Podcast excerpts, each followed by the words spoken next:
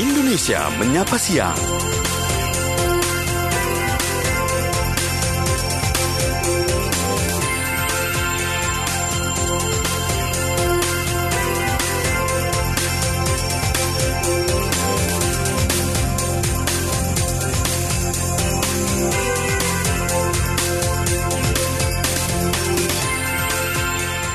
Selamat siang, terima kasih untuk Anda pendengar yang masih tetap setia bersama kami di Pro 3 RRI. Senang sekali saya Puspita Ayu bisa kembali menjumpai Anda dan kali ini saya akan menemani Anda untuk beraktivitas dengan informasi-informasi yang akan kami hadirkan di sepanjang Indonesia Menyapa Siang. Jangan lupa Anda juga tetap bisa berbagi informasi bersama kami di siang hari ini, baik melalui WhatsApp atau juga line telepon di Pro 3 RRI. Dan sesaat lagi pendengar saya akan hadirkan wawancara sudut dengar parlemen kerjasama antara Sekjen DPR RI dan Radio Republik Indonesia. Bersama dengan saya Puspita Ayu, kita lanjutkan kembali Indonesia Menyapa Siang.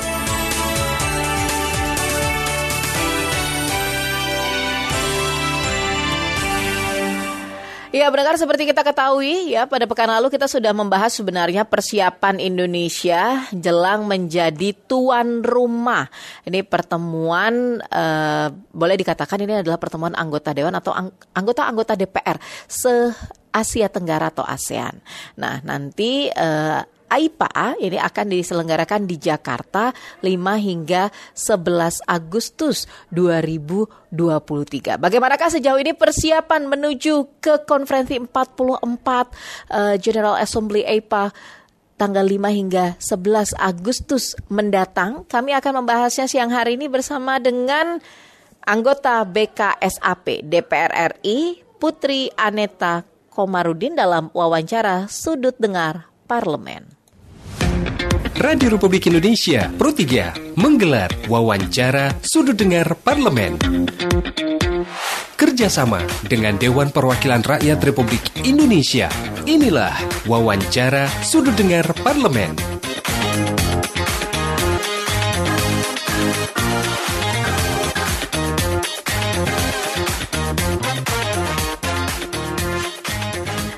Ya, mendengar saya sudah bersama dengan Ibu Putri Aneta Komarudin, anggota BKSAP DPR RI. Selamat siang, Bu Putri. Selamat siang Mbak Puspita. Assalamualaikum warahmatullahi wabarakatuh. Waalaikumsalam warahmatullahi wabarakatuh. Sudah semakin dekat dengan tanggal 5 ya. Tersisa dua hari lagi nih dari ya, penyelenggaraan AIPA sejauh ini persiapannya seperti apa Bu Putri? Tadi pagi eh, kita baru saja melaksanakan rapat steering committee untuk uh, penyelenggaraan AIPA bersama dengan pimpinan BKSAP, Pak Fadlizon dan pimpinan yang lain dan juga rekan-rekan anggota BKSAP uh, dan di situ juga uh, kita mengadakan diskusi bersama dengan Kementerian Luar Negeri terkait dengan uh, hal-hal uh, teknis dan juga tentu substantif yang nanti akan dibahas pada saat AIPA hmm. uh, dan tentunya uh, penyelenggaraan ini juga sudah uh, direncanakan uh, sedemikian lama dan uh, delegasi juga sudah mulai berdatangan. Hari ini kita akan kedatangan uh, ketua parlemen dari Malaysia. Uh, terus besok juga akan mulai berdatangan dari negara-negara ASEAN lainnya. Uh, terus kita juga nanti akan menerima banyak sekali observer country.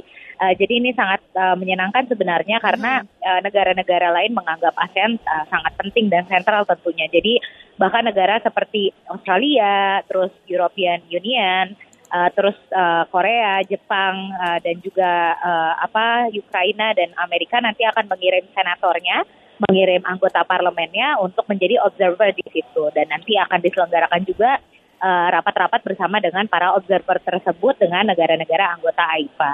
Jadi okay. uh, insya Allah akan akan banyak agenda yang uh, apa exciting juga. Jadi selain rapat kita mm -hmm. juga akan ada uh, acara gala dinner, uh, solidarity dinner dan cultural event uh, yang akan dipersembahkan oleh masing-masing negara uh, AIPA dan para delegasinya gitu. Jadi ya nanti uh, akan ada tentu uh, sesi uh, santainya lah gitu supaya kita bisa sama-sama mengenal satu sama lain lebih dekat lagi. Oke, okay. Bu Putri, kalau nggak salah kan sidang umum AIPA ke-44 ini uh, akan mengusung tema Responsive Parliament for a Stable and Prosperous ASEAN, begitu ya, ASEAN begitu kan. Nah, itu poin-poinnya nanti kira-kira apa saja yang akan dibahas di AIPA di Jakarta ini? Ya. Uh, jadi uh, beberapa meeting yang akan kita punya nantinya mm -hmm. adalah uh, meeting uh, khusus ang anggota AIPA, parlemen AIPA yang perempuan, mm -hmm. terus ada juga yang pemuda, uh, terus ada juga uh, komite uh, untuk uh, political matters, ada juga Committee on Economic Affairs, ada yang buat sosial, ada yang buat uh, apa AIPA ASEAN. Terus uh, nanti akan dituangkan hasilnya dalam joint communique. Nah, dalam berbagai pos-pos ini nanti akan dibahas misalnya terkait dengan uh, inklusivitas dari politik itu sendiri, bagaimana peran perempuan uh, dan bagaimana peran implementasi dari undang-undang uh, afirmasi perempuan di setiap uh, negara uh, dan keterwakilan uh, perempuan di dalam parlemennya. Terus misalnya uh, bagaimana kita menyiapkan generasi muda untuk bisa uh, apa menjadi legislator yang lebih adaptif nantinya yang bisa menjawab tantangan zaman karena sekarang kita dihadapi dengan isu uh, climate change mm -hmm. dan juga uh, apa uh, economic recovery setelah pandemi. Terus uh, tentunya nanti yang akan uh, dibahas juga uh, bagaimana rekan-rekan kita di Myanmar sekarang masih uh, mengalami kesulitan konflik internal dan mungkin sekedar informasi uh, karena pada uh, tahun lalu AIPA yang ke-43 di Kamboja juga uh, Myanmar tidak diundang hmm. karena mereka masih mengalami konflik internal. Hmm. Jadi pada tahun ini pun uh, sama seperti yang terjadi di ASEAN chairmanship kita, uh, Myanmar juga tidak diundang. Uh, hmm. Cuma nanti uh, tentu negara-negara uh, ini akan membahas bagaimana kita sebagai uh, mitra strategis uh, di ASEAN bisa meringankan uh, beban teman-teman uh, kita yang menjadi korban dari uh, konflik internal yang sedang terjadi uh, di Myanmar itu sendiri. Oke, totalnya ada berapa tadi yang sudah konfirmasi untuk uh, untuk ikut dalam sidang umum AIPA ke-44 ini, Bu Putri? Untuk uh, total delegasi tentu seluruh negara ASEAN, mm -hmm. uh, kecuali uh, Myanmar, Myanmar tentunya mm -hmm. itu sudah konfirmasi mm -hmm. untuk hadir. Mm -hmm. Terus udah gitu uh, kita juga akan kedatangan uh, apa uh, 17 mm -hmm. uh, negara yang menjadi observer. Mm -hmm. Terus uh, nanti juga kita akan menerima uh, beberapa organisasi misalnya seperti uh, Food and Agriculture Organization, terus ada juga Freeland Foundation, ada United Nations Liaison to ASEAN, terus uh, ada juga Freeland Foundation. Jadi total ada delapan uh, organisasi yang nanti akan bergabung dengan kita uh, hmm. dan nanti juga akan sama-sama memberikan input untuk uh, apa diskusi yang akan kita bahas pada saat uh, apa AIPA okay. nanti dan tentu harapannya uh, input dari observer country dan juga organisasi ini nanti bisa uh, benar-benar uh, kita uh, masukkan ke dalam joint communique-nya dan nanti akan menjadi sesuatu yang uh, bisa kita uh, jalankan bersama di negara kita masing-masing itu di ASEAN. Kalau isu yang khusus diangkat oleh Indonesia sendiri ada nggak Bu Putri? Apa itu? Ya, Uh, kalau di Indonesia tentu kita uh, sangat meng-highlight uh, bagaimana uh, Indonesia ini uh, apa beberapa tahun terakhir tentunya uh, menjadi salah satu negara yang mempunyai uh, apa ya tingkat pertumbuhan ekonomi yang lebih stabil gitu pasca pemulihan uh, dari pandemi ini.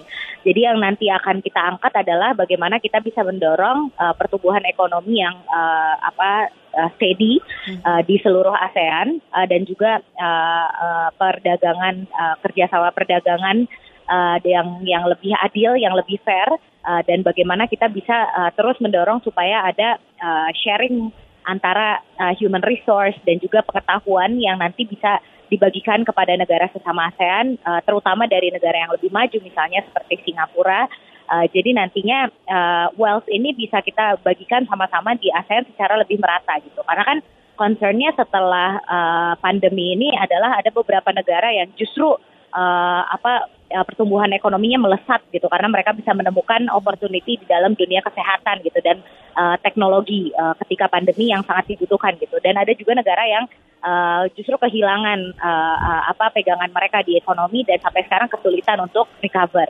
Jadi itulah uh, topik sentral yang sebenarnya akan kita bagikan, uh, terutama dari Indonesia sendiri, uh, supaya nanti sama-sama uh, kita bisa uh, menciptakan ekonomi yang lebih sehat gitu di ASEAN. Ya. Karena kan uh, isunya memang itu ya uh, utamanya gitu setelah pandemi ini. Oke, nah ini juga menarik tadi Bu Putri kan sempat menyinggung nih nanti juga akan membahas soal perempuan salah satunya begitu kan. Sebenarnya ya. seberapa ya. urgentnya sih uh, sidang di uh, sidang Women eh, AIPA ini? Ya, uh, tentu kita kan masih dihadapi dengan keterwakilan perempuan yang masih hmm, sangat kurang ya. Betul. Jadi kalau di negara ASEAN ini rate-nya ya masih di bawah 30 persen lah gitu. Dan di negara kita sendiri masih 20 persen keterwakilan perempuan sendiri di DPR RI. Jadi dengan adanya suara-suara perempuan di sidang AIPA, terus kita juga punya uh, apa forum perempuannya AIPA kan. Di situ kita bisa uh, berbagi best practices di negara kita masing-masing, bagaimana kita uh, menjalankan uh, apa undang-undang yang berbasis gender, responsif gender, terus anggaran yang lebih responsif uh, gender, terus uh, bagaimana kita bisa mengusulkan ataupun memperjuangkan perempuan-perempuan untuk berada di pos strategis di pemerintahan, di lembaga yang kita awasi gitu sebagai mitra di parlemen. Uh, dan hal-hal ini sebenarnya yang perlu kita dorong supaya nantinya akan ada setidaknya uh, kenaikan gitu dalam partisipasi perempuan di dalam pelayanan publik di negara-negara AIPA. Dan ini kan kita bisa lihat ada negara yang sudah sukses gitu di ASEAN yang sudah mhm. sukses mm -hmm. untuk mengimplementasikan ini, ada juga yang masih sangat kurang. Jadi ini sebenarnya bagian dari bagaimana kita mau memeratakan perjuangan kita. Jadi dalam hal ekonomi kita juga maunya uh, ASEAN bisa sama-sama maju, terus dalam hal keterwakilan perempuan, pemuda juga tentunya kita harapan uh, bisa sama-sama maju juga. Gitu. Oke, ini yang menarik nih kalau saya baca baca-baca begitu ya. Ada yang baru nih di sidang AIPA tahun ini ya. Ada IOT atau uh, IOT parlementarian. Nah, uh, Bu ya. Putri ini sih apa sih yang melatar belakangi kemudian perlu ada sesi IOT parlementarian ini? Ya, seperti yang kita tahu karena kan Indonesia sendiri tahun depan akan menyelenggarakan pemilu dan pemilu kita ini nantinya akan ya. diikuti oleh generasi saya, generasi milenial dan ya. generasi Z yang nanti akan mendominasi daftar pemilih tetap gitu.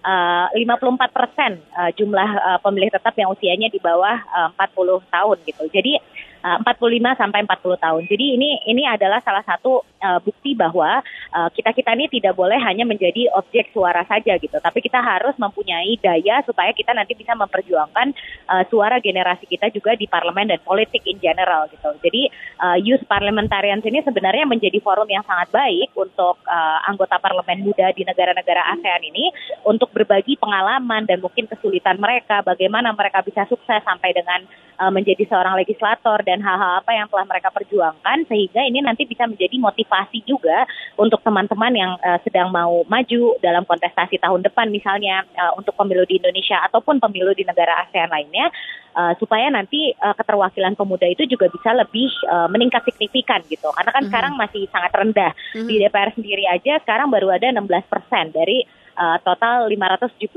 anggota jadi ada bahkan ada satu fraksi yang tidak ada perwakilan di bawah 40 tahun usianya pada saat kita dilantik kemarin tahun 2019.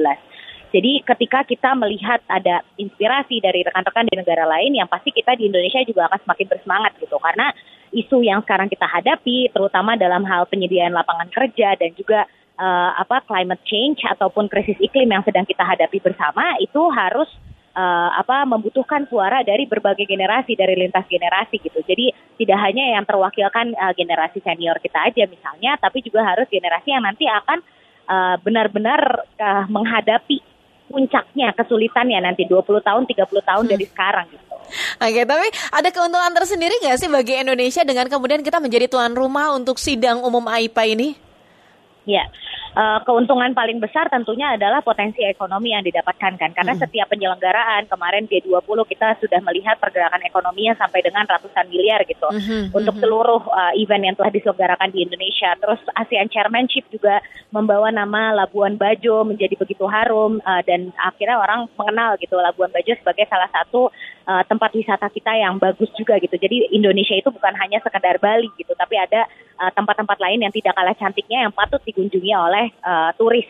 Uh, dan di ASEAN ini kan juga walaupun tempatnya di Jakarta, tapi kan nanti mereka akan berkesempatan untuk berkeliling juga ke kota-kota lain selain uh, di ibu kota kita tentunya. Jadi ya harapannya tentu nanti akan ada uh, apa limpahan ekonomi di berbagai sektor, uh, baik itu sektor UMKM, sektor kreatif, uh, dan juga tentunya teman teman-teman yang bergerak di bidang pelayanan publik khususnya uh, dan semoga saja ini bisa didukung juga oleh masyarakat tentunya jadi kita semua bisa sama-sama merasakan dampak positif dari penyelenggaraan dan menjadi tuan rumah dari AIPA ini.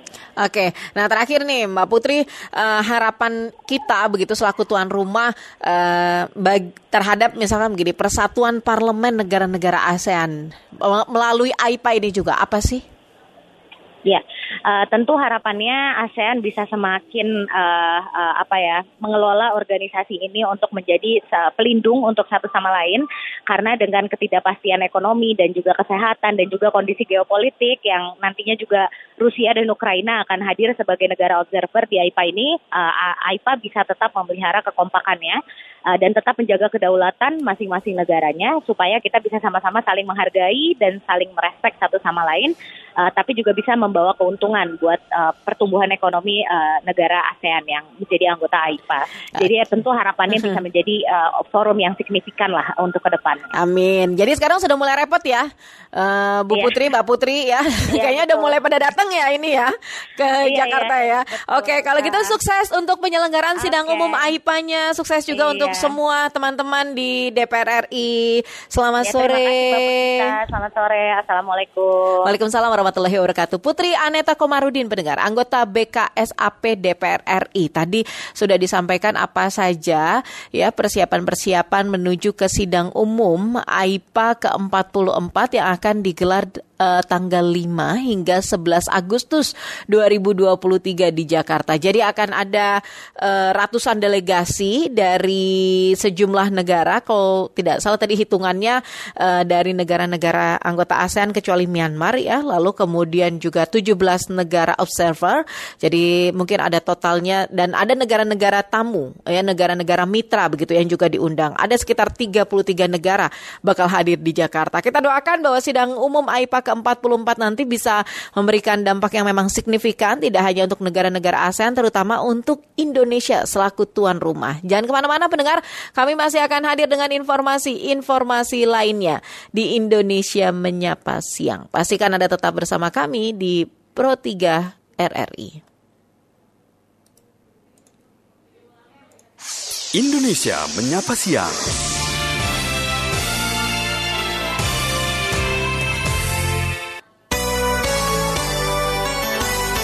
Catatan peristiwa Tanggal 3 Agustus 1837 dipimpin oleh Letnan Kolonel Mehols sebagai komandan lapangan terdepan dalam penyerangan ke Bonjol berhasil mengakhiri Perang Padri. Perang Padri adalah peperangan yang berlangsung di Sumatera Barat dan sekitarnya, terutama di kawasan kerajaan Pagaruyung dari tahun 1803 hingga tahun 1838. Perang ini merupakan peperangan yang pada awalnya akibat pertentangan dalam masalah agama sebelum berubah menjadi peperangan melawan penjajahan. Perang Padri dimulai dengan munculnya pertentangan sekelompok ulama yang dijuluki sebagai kaum Padri terhadap kebiasaan-kebiasaan yang marak dilakukan oleh kalangan masyarakat yang disebut kaum adat di kawasan kerajaan Pagaruyung dan sekitarnya. Kebiasaan yang dimaksud seperti perjudian, penyabungan ayam, penggunaan madat, minuman keras, tembakau, sirih, dan juga aspek hukum adat matriarkat. Sejarah kelam dialami Jepang pada tahun 1783, tepatnya pada 3 Agustus saat Gunung Asama meletus. Tercatat ada 35 ribu orang tewas dalam peristiwa tersebut. Gunung Asama merupakan gunung api aktif yang terletak sekitar 145 km barat laut dari pusat kota Tokyo. Gunung ini adalah salah satu dari 108 gunung api yang ada di Jepang. Gunung ini bertipe strato atau berlapis-lapis dan memiliki catatan letusan yang panjang. Letusan terakhir terjadi tanggal 2 Februari 2009 yang menyebabkan hujan abu di sebagian metropolitan Tokyo.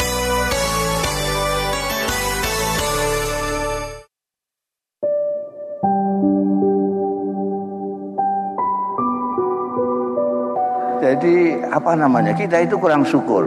Menurut saya kurang syukur kita tidak bersyukur bahwa kita diciptakan menjadi bangsa Indonesia. Ini hak prerogatif Gusti Allah Ta'ala juga. Tidak bisa nanti orang Amerika, orang Afrika, kok saya tidak dijadikan orang Indonesia. Di Indonesia ini, sampai itu makanya piknik yang agak jauh lah. saya pikniknya lumayan jauh. Saya ke mana-mana sudah. Amerika sudah ke Eropa, sudah ke Mesir, sudah ke Timur Tengah, sudah Jepang sudah ke Taiwan sudah ke Korea sudah. Setiap saya di negeri-negeri itu, saya selalu teringat Indonesia. Karena di sana tidak enak sama sekali. Kalau musim panas panas kabeh. Numpak bis kabeh sing dicekeli panas kabeh. Kalau musim dingin kabeh adem kabeh. Di sini ini enaknya kayak gitu. Karena ada yang pakanan itu mau iku iku tok. Di sini mau macam-macam makanan itu. Lu negeri kayak begini hebatnya ya Allah. Jabut oyot bakar sudah enak era karuan. Ingin cari ikan, cari peniti, kasih benang, penitinya kasih upo, lemparkan ke kali atau kan dapat ikan. Sampai-sampai Grand Syekh Azhar dulu, Syekh Saltut ketika ke Indonesia ini lihat Indonesia, diajak ke kebun raya Bogor. Wah, ini nanti orang Indonesia nggak kaget ketika di surga. Begitu kan lebih itu. Hazihi atun minal jannah. Ini potongan surga. Jadi kita ini potongan surga yang diturunkan dunia. Indonesia adalah potongan surga yang diturunkan ke dunia. Disampaikan tokoh ulama Kiai Haji Mustafa Bisri untuk Koase Indonesia.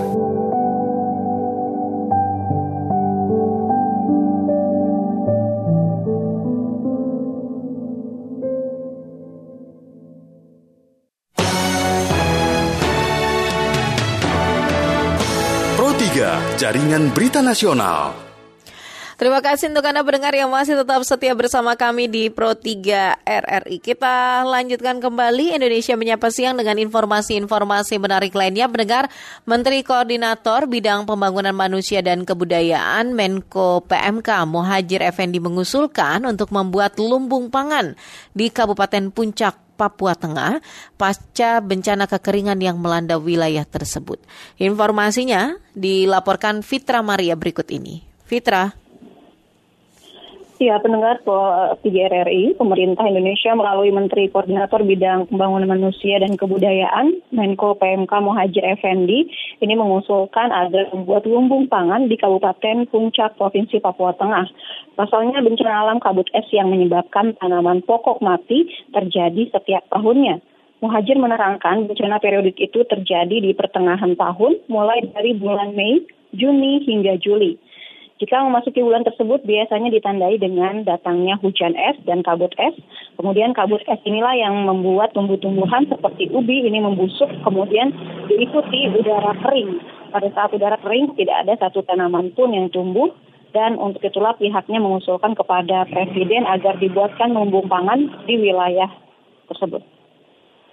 Karena itu kita uh, tadi sudah diskusi dengan Pak Panglima, dengan Pak Bupati, dan juga Kepala BNPB untuk mencari alternatif solusi yang permanen. Antara lain nanti akan kita usulkan kepada Bapak Presiden, uh, akan kita untuk kajian yang lebih cermat lagi, tapi gambaran sementara itu kita akan membangun uh, semacam lumbung pangan. Jadi akan dukumi yang dekat bandara dan nanti akan kita sehingga dengan begitu kita bisa mengantisipasi pada bulan-bulan sebelum bulan Mei kalau bisa sudah ada ada apa stok bahan makanan yang disuplai dari BNPB maupun dari Kementerian Sosial sehingga pada saat terjadi uh, bencana yang sudah periodik ini berarti bisa otomatis bisa teratasi. Ya, sebagai informasi pendengar ada tiga distrik di Kabupaten Puncak Provinsi Papua Tengah terdampak akibat hujan es hingga mengalami kekeringan. Yang paling parah ini terjadi di distrik Agandune, kemudian di distrik Lambewi dan Oneri. Menurut keterangan yang diterima di Jakarta, Menko PMK bersama Kepala BNPB memberikan sejumlah bantuan logistik dan peralatan untuk menunjang kebutuhan masyarakat yang ada di sana. Di antaranya ada beras, makanan siap saji, susu protein, sembako, tenda gulung, tenda pengungsi, motor trail, hingga selimut dan pakaian. Dari Jakarta, Fitra Maria Pro 3 melaporkan. Demikian informasi dari Fitra Maria pendengar. Kita beralih ke informasi lainnya. Pemerintah memastikan bantuan terhadap masyarakat Papua Tengah yang dilanda kekeringan dan cuaca dingin ekstrim terus dilakukan. Namun kerap terkendala kondisi geografis dan cuaca ekstrim. Seperti apakah informasi selengkapnya? Berikut dilaporkan Agus Wijananto. Agus. Ya benar, Menko Polhukam Mahfud MD memastikan bahwa pemerintah telah mengirim berbagai bantuan ke distrik Agan Dugame dan distrik Ambewi di Papua Tengah yang saat ini masyarakatnya tengah terancam kelaparan karena kekeringan akibat musim kemarau berkepanjangan yang diiringi cuaca dingin ekstrim. Menurut Mahfud, bantuan sudah dikirim dari berbagai pihak, tapi kondisi alam maupun cuaca menjadi masalah tersendiri bagi upaya pengiriman. Cuma masalahnya sekarang itu masalah uh, transportasi ya transportasi itu kalau uh, dari Jakarta ke Papua itu ya mungkin mudah. Tapi ketika sudah masuk ke uh, ke distrik uh, tempat kejadian itu agar Gume itu memang tergantung pada cuaca. Cuacanya itu kadang-kala berubah secara mendadak. Sementara pesawat yang bisa masuk ke sana pesawat kecil. Karena landasannya hanya 600 eh, meter pesawat yang masuk hanya Cessna, kemudian Pilatus itu dan Twin Otter. Itu yang bisa masuk ke sana. Eh, dan itu tergantung pada cuaca juga. Sehingga tidak sembarang waktu bisa terbang. Jadi kadang-kadang masih menunggu, nunggu perubahan cuaca. Begitu mendarat di uh, distrik Agun Dugume itu juga tidak mudah karena harus diantar lewat darat ke kampung-kampung yang terjal ada yang ada di ketinggian ada yang di bawah. Kan tidak seperti di Jawa di sana. Orangnya berpencak-pencak dan itu harus diantar ah, dipikul digendong dan sebagainya sampai ke tempat eh, terpergi Ya, Mahfud juga menegaskan sampai sejauh ini tidak ada ancaman maupun gangguan dari kelompok kriminal bersenjata dalam proses pengiriman bantuan ini karena aparat TNI gabungan TNI dan Polri uh, dikirimkan untuk menjaga proses pengiriman kawasan sana dan kendalanya hanya di faktor uh, cuaca dan kondisi geografis alamnya. Agus Wijananto Pro 3 RRI melaporkan. Ya, berangkat kita beralih ke informasi lainnya. Presiden Joko Widodo meminta agar LRT Jabodebek tidak tergesa-gesa dioperasikan. Kepala negara ingin faktor keselamatan, keamanan, dan kenyamanan penumpang menjadi yang utama. Informasi ini dilaporkan Pradipta Rahadi. Pradipta. Ya, baik Puspita dan juga pendengar, uh, Presiden Joko Widodo usai uh, menjajal light rail transit atau LRT untuk rute Cibubur Line dari stasiun Harjamukti Cibubur sampai di stasiun Duku Atas tadi sempat mengatakan bahwa dirinya mengaku merasa nyaman menggunakan moda transportasi LRT. Namun uh, Presiden menginstruksikan agar pengoperasian dari LRT Jabodebek ini agar tidak tergesa-gesa. Karena Kepala Negara mengatakan bahwa faktor keselamatan serta kenyamanan dari penumpang ini harus menjadi yang utama. Menurut Presiden, uh, pengoperasian LRT ini baiknya baru dilakukan setelah semua faktor keamanan, keselamatan, dan juga kenyamanan penumpang ini jelas adanya. Dan ia tidak ingin uh, jika nanti LRT sudah beroperasi, maka uh, tidak menjadi masalah tambahan untuk masyarakat. Justru LRT diharapkannya dapat mengurangi kemacetan di Jakarta dan wilayah sekitarnya. Dan selain daripada itu juga tadi Presiden mengatakan bahwa LRT ini baru pertama kali ada di Indonesia sehingga uh, jika ada ditemukan kekurangan ataupun kesalahan ataupun ada miskalkulasi ini merupakan hal yang sangat wajar karena tentunya harus dievaluasi dan dikoreksi di banyak sisi dan ini juga akan menjadi pekerjaan rumah untuk uh, Kementerian Perhubungan dan juga instansi terkait uh, lainnya. Dan memang menurut Presiden LRT Jabodetabek ini nanti rencananya akan mulai beroperasi penuh pada 18 Agustus mendatang. Dan sebelumnya dari pihak LRT Jabodebek ini juga mengatakan bahwa LRT ini sudah terlebih dahulu melakukan uji coba baik dengan penumpang maupun uh, tanpa penumpang dan uji coba dengan penumpang maupun uh, tanpa penumpang ini sudah dijalankan uh, pada bulan Mei hingga Juni dan uh, periode Juli hingga akhir Juli. Dan untuk tarif perjalanannya sendiri ini nanti masyarakat dapat membayar uh, LRT Jabodetabek dengan harga Rp5.000 untuk satu kilometer pertama. Dengan dilanjutkan untuk Rp700 per kilometer berikutnya. Sehingga untuk jarak terjauh yang ditempuh dari LRT yaitu kurang lebih uh, bayarnya sekitar Rp20.000 sampai Rp25.000 tergantung dari jarak yang terakhir. Dan memang meski tarif ini sudah ditetapkan, uh, ini masih belum ada aspek hukum pengesahan dari tarif melalui keputusan dari Menteri Perhubungan Republik Indonesia. Demikian dapat kami laporkan. Sementara Pradipta Rahadi, Pro 3 RRI. Demikian tadi laporan dari Pradipta Rahadi pendengar. Kali ini Menteri Sosial atau Mensos Tri Risma Harini yang menyebutkan bahwa pemerintah akan membuat lumbung-lumbung sosial di tiga distrik di Kabupaten Puncak, Papua Tengah.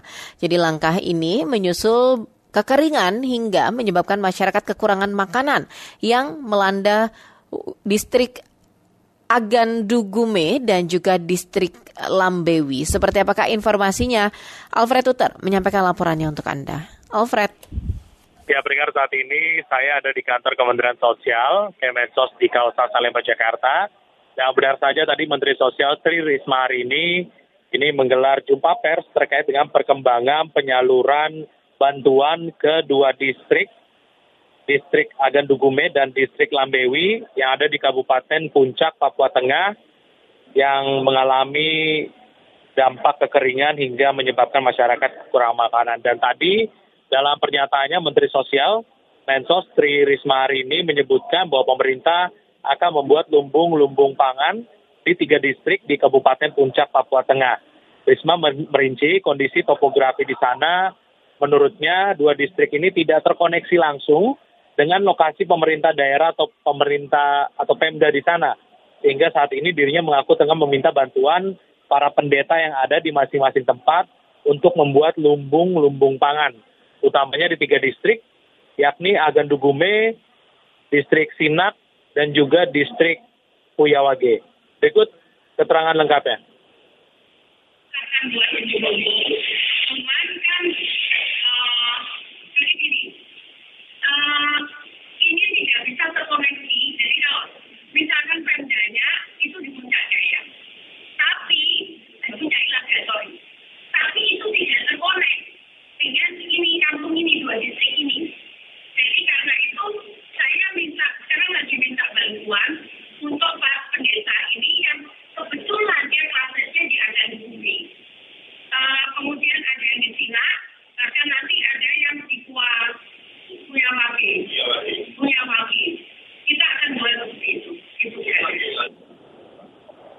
Sebagai informasi pendengar Kementerian Sosial memang sebelumnya telah menyalurkan logistik dan makanan bantuan ke dua distrik yang terdampak kekeringan itu. Total bantuan yang disalurkan itu mencapai 17,1 ton.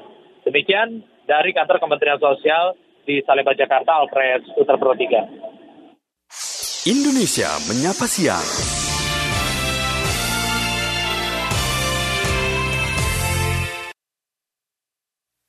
Kilas Berita. Kilas Berita.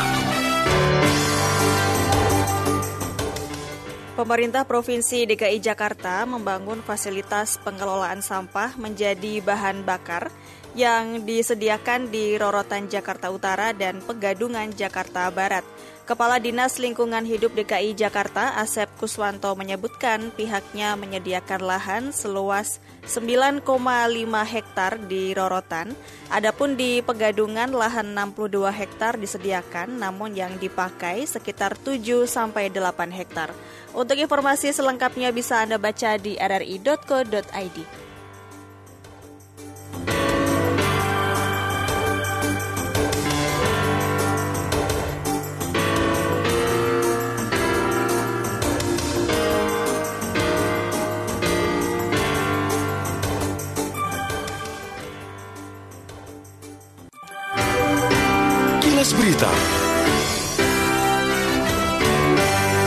3, Jaringan Berita Nasional.